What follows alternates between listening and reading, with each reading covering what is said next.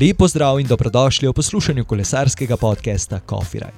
Moje ime je Uroš in v tej epizodi sem govoril z Matejem Lovšetom. Pa prisluhnimo, o čem sva govorila. Če ti je podcast Coffee Ride všeč, se naroči na Apple Podcasts, Google Podcasts, Spotify, Anchor in na trikrat vojni.coffeeride.com. Takole, danes v moji družbi Matej Lovše. Mateja, v bistvu sploh ne vem, kako bi ga predstavil. Če začnem naštevati zmage in stopničke, bi lahko našteval nekaj ur. Matej, kot prvo, lepo pozdravljen. Pozdravljen. Kako bi v bistvu samega sebe predstavil nekomu, ki Mateja ne pozna? Ja, kako bi se predstavil? V osnovi mi je celo življenje zaznamovalo kolesarstvo. Ne? Da bi lahko rekel, da sem kolesar po duši, po srcu.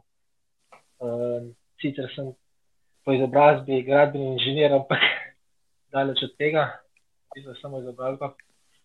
Uh, nisem v tem poslu. Drugače pa ja, kolesar od 15. leta, že prej tudi športnik, ampak uh, nič pač posebnega.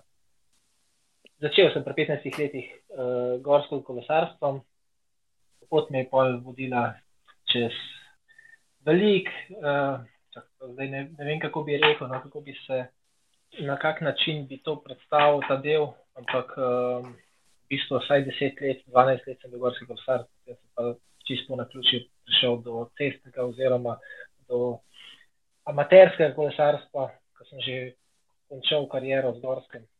Na tak način. No. Zdaj snemava podcast Coffee Ride. Kakšno kavo rad piješ, kakšno imaš rad? Jo sploh piješ? Največkrat turško kavo, čez klasično. Največkrat brez vsega. Je pa tako, da kave veliko popijem. No. Vsaj tja do 3 ure popoldne popijem 3, 4, 5 kav. Preveč se mi zdi, ampak avtomatsko pa je že v službi smo tako navajeni, potem prijem še domov, pijem, isto si ne predstavljam. Življenje brez kave. Res je. Ja, zdaj, v bistvu, sam si že omenil, da si začel v, bistvu v gorskem kolesarstvu, disciplina, v kateri si tekmoval, je bila olimpijski kros. Si to v bistvu takoj, ko si sedel na kolo, rekel, okay, uh, želim recimo, uh, se preizkusiti v olimpijskem krosu, ali, ali je tudi tukaj bilo morda kak, kaj drugega predtem? Vi ste v spletu okoliščin. Prvo, kot prvo, se mi zdi, da so večji del zaslužen za to starši, ker so mi za Birmo kupili kolo na mestu skuterja, to je bila osnova. Potem pa uh, zelo veliko mi je tudi bratranc pripomogel temu, ko je že vozil gorsko kolo, sem se z njim začel voziti, še predtem sem sploh začel tekmovati. Potem pa me je prijatelj iz Litije, ko je že par let v rekreativnem klubu, našem prvem vozu gorsko kolo, zvabil na trening, vožnjo. Seveda, on ne bi bil uh, pravi, če me ne bi bil ta tisto najhujši klanec tam pri nas, akademski prpelo in kot v bistvu sem imel kar probleme že prvič, no, na polno do vrha klanca sem trikrat rado počivati, ampak zgleda, da me je, ne vem, to pol kar nekako zasvojilo, tako da sem že v roku pol leta tako napredoval, da sem se z njim lahko brez problema vozil, pa tudi uh, zmagal že prvi uspon. Potem je bilo pa zgleda samo še vprašanje časa, da bom začel pa resno dirkati. Za nekaj kolesarji, s katerimi sem se že pogovarjal, recimo zdaj bom na rekovaje govoril, je nekako takšna pot bila v Sloveniji, da, so, da jih je večina začela z gorskim kolesarstvom, kasneje pa ste presedlali v bistvu na, na cestno kolesarstvo, ker je mogoče to bil nek način, recimo, da, da pa si vseeno lahko služil kruh s kolesarjenjem. Je, je morda tudi pri tebi šlo za, za to, da si, da si ciljal za, za kakšno, kaj pa vem, profesionalno pogodbo ali pa polprofesionalno pogodbo? Prepozno sem začel to razmišljati o tem. Takrat sem bil že, že tako star, da v bistvu že nisem več verjel v to, da bi lahko želel sem si vsi, ampak niti pravih povezav, ni, ljudi nisem poznal, ne nič v bistvu sem nekaj predolgo odlašal v gorskem kolesarstvu, da bi lahko pol pravočasno no, preklopil. Um, sicer, mhm. seveda sem si želel, ampak uh, ko se enkrat strnem blizu 30, je skoraj ne mogoče, sploh pa pri nas, ko je tako malo klubov. karkoli lahko narediš na cestnem. Ampak je še, še večji problem pa recimo v gorskem kolesarstvu. Ne?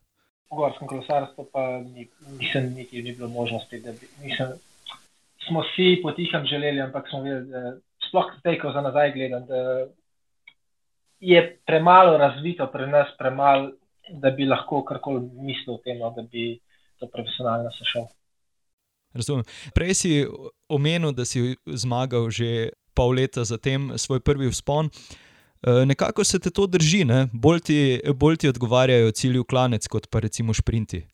Ja, mislim, da se že sam vedno pohecam na to, da če sta dva, dva šprintova, sem sedmi. Da, uh, niti malo nisem šprinter, malo tudi ne verjamem več v to in niti ne poskušam. Čeprav drugi pravijo drugače, bi lahko malo bolj se potrudil, ampak mogoče imam že v glavi to, no, da vse se vidi tudi uh, na maratonu Franja. Recimo. Jaz imam vedno to smolo, da na koncu pač mi ne gre. No. Ali, mogoče niti ne obupam pri sprintu, poskušam prej, ampak pač sprinter nisem. No. Na, za vzpone, vzpone se mi pa vedno bolj ležalno. Nisem zdaj tipični klančar, ker nisem najlažji. Uh, mhm. Imam 60 kg, jaz sem skoraj ponavadi v formi imam blizu 70 kg. Da, ampak um, zelo rad imam spone, jaz v bistvu treniram skoraj samo spone. No. Kaj da grem na kakšne te runde, pa hitre treninge z avtomobilom, je ravnina drugom, pa bi se pa lahko cele dneve sam po klantih vozil. Ko si prej rekel, eh, ravno moje naslednje vprašanje je ravno to, da se ti na Franji vedno nekako izmuzne zmaga, ravno morda zaradi tega sprinta. Bi, bi se drugače najbrž razpletlo vse skupaj, če bi bil uh, kakšen klanec na koncu. Ne? Ja, verjetno ja, ker uh, nekateri pač pravijo, da uh, je stran prelahka, no, za me je mogoče prelahka. Vse se smešno sliši, ampak v bistvu, če se znaš lepo pelati, uh, v bistvu lahko pol franje po desetih skoraj prespiš na kolesu. No? Te, če si v formi, moraš biti navaden hitrosti in to je to pa, pač klad je preživet, ampak to ni problem. Zadnji kilometri so pa ponavadi za me, ne no, pač vedno pridem s kakšnim boljšim, mislim, se težko je biti slabši od mene v sprintu, ampak vedno se mi pole zmuznati, potem poskušam prej kaj narediti, ampak to je težko na ravnini. Uh, drugi tudi vejo, da, da bom jaz prej poskušal in se me pač držijo.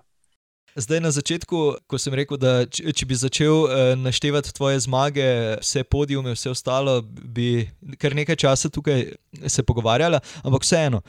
Svetovni prvak v kronometru med amaterji leta 2013, 17, 18 in pa podprvak na cestni dirki enako leta 2013, pa potem 16 in 17.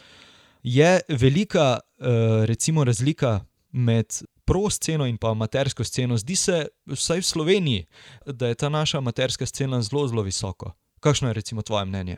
Mogoče ne bo, ne bo najbolj všeč vsem ostalim, ampak je razlika. Je, nažalost, bom sem rekel, da je kot noč pa dan. No. Uh, pa delč od tega, da mi nismo dobri, zelo dobri. Te številke, recimo, te, ki gledajo, vsi primerjajo vate na kilogram, pa to, to so zelo dobre, boljše od marsikega tega elit kolesarja, ampak tam je drugače, navajeni so večji hitrosti. Um, tako bom jaz ponovadi rečem tako. No. Ko, ko se zares dirkate, pač ni tam zraven.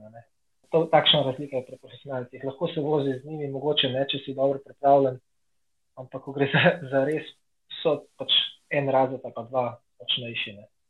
In to je pač zaradi več treninga, karkoli. Pač imajo več treninga, več počitka. Uh, enostavno veliko teže dirke, dirkajo in se zelo na to prilagodi. Ne, ne moramo primerjati dve materije na tak način. Lahko po številkah malo gledamo, pa kaj bi bilo, če bi bilo, ampak da bi pa zdaj to se pa se pa. Sam si rekel, že dolgo časa si v kolesarstvu, gorskem in cestnem. Ogromno je bilo nekih sprememb v športu. Uh, si se že ti takrat, morda na začetku, srečal z, z kakim bike fittingom ali pa recimo razmah pametnih trenerjev v zadnjih nekaj letih, pa tudi par metrov in vseh teh stvari. Kako gledaš v bistvu ti na to? Gledaš to kot recimo dobro stvar, da bom na rekovajih rekel, ima večina rekreativnih kolesarjev par metre, ali, ali imaš morda zadržano mnenje okrog tega? Mislim, lahko bi malo dlje razpravljala. Po eni strani je to zelo dobro, ker pač gremo naprej, ne? tehnologija naredi svoje, mislim, da ne ostanemo v vadi v 70-ih, 60 ali pa še prej.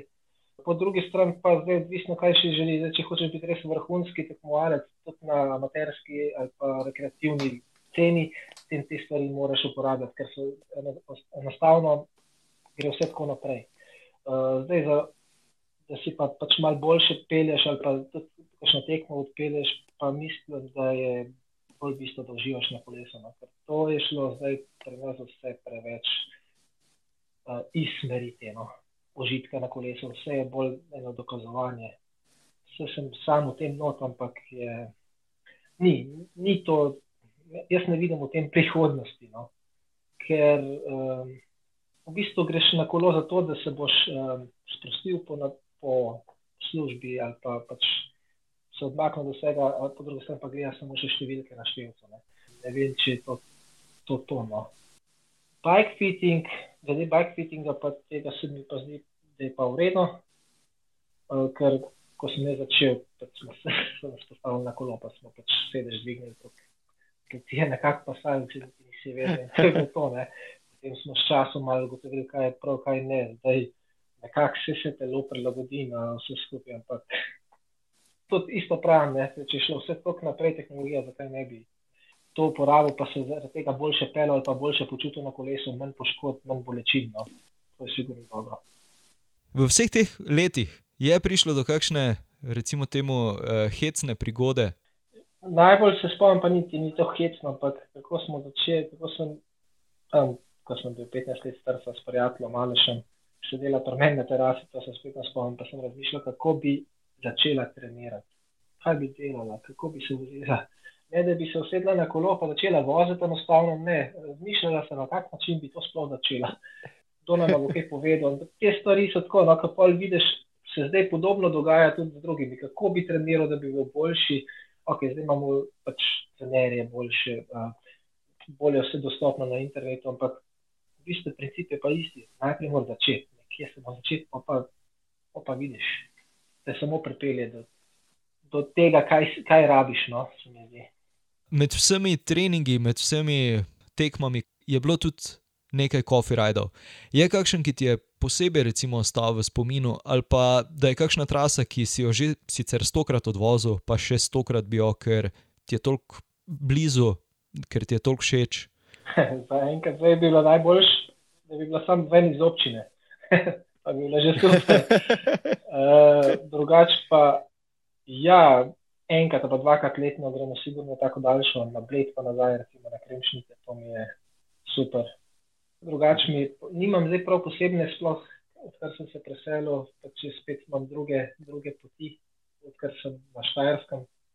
Ampak vsak tak copyright, ko gremo spet, da se zapeljemo res brez, v bistvu, brez števcev, krok, vrca pa pol dve, pa vmes na kavo, še to mi je super. Super. Ja, eno vprašanje je tudi, ki se uh, je začelo pojavljati iz podcasta v podcast. In sicer poslušalce zanima, kakšna kolesa vozijo moji sogovorniki. In evo, vem, da ti, ti voziš eh, kar divjo stvar, tako da izvoli. Jaz zadnje dve leti vozim res tisto, kar pač si lahko, zbe, mislim, zbral sem si lahko karkoli, eh, kar sem si želel, tako da na koncu sem predstavil na Pinarelu. Zdaj imam Pinarelo Dogmo F12, eh, z opremo Shimano Dura Ace, komplet s Powermetrom uh, in uh, Heltnom Fulcrum. V bistvu lahko sem si sestavil kolo čisto po želji in pač nima, nisem imel nobene potrebe po kaj še kakšnih dodatkov, to je bilo to. Je bilo to no. um, je pa res, da se, se mi zdi še toliko bolj zažitkom, da sedim na kolono. Verjamem. Matej, pri koncu sva, morda še kakšna misel, kakšen svet poslušalcem, karkoli pade na pamet. Čisto tako enostavno, da sam uživajte na kolesu, recimo zdaj, tako ko bo lepše vreme, pa ko bo mečke umite, se sprostile, pa da se ne preveč ne obadite s tem številkam, kot sem že prej rekel. Matej, najlepša hvala za ta pogovor. Mateju, še enkrat najlepša hvala, da si vzel čas za pogovor. Mi se ponovno slišimo prihodnji petek. Če želiš Coffee Ride podpreti, odklikaj na www.coffeeride.com pošiljnica coffee shop.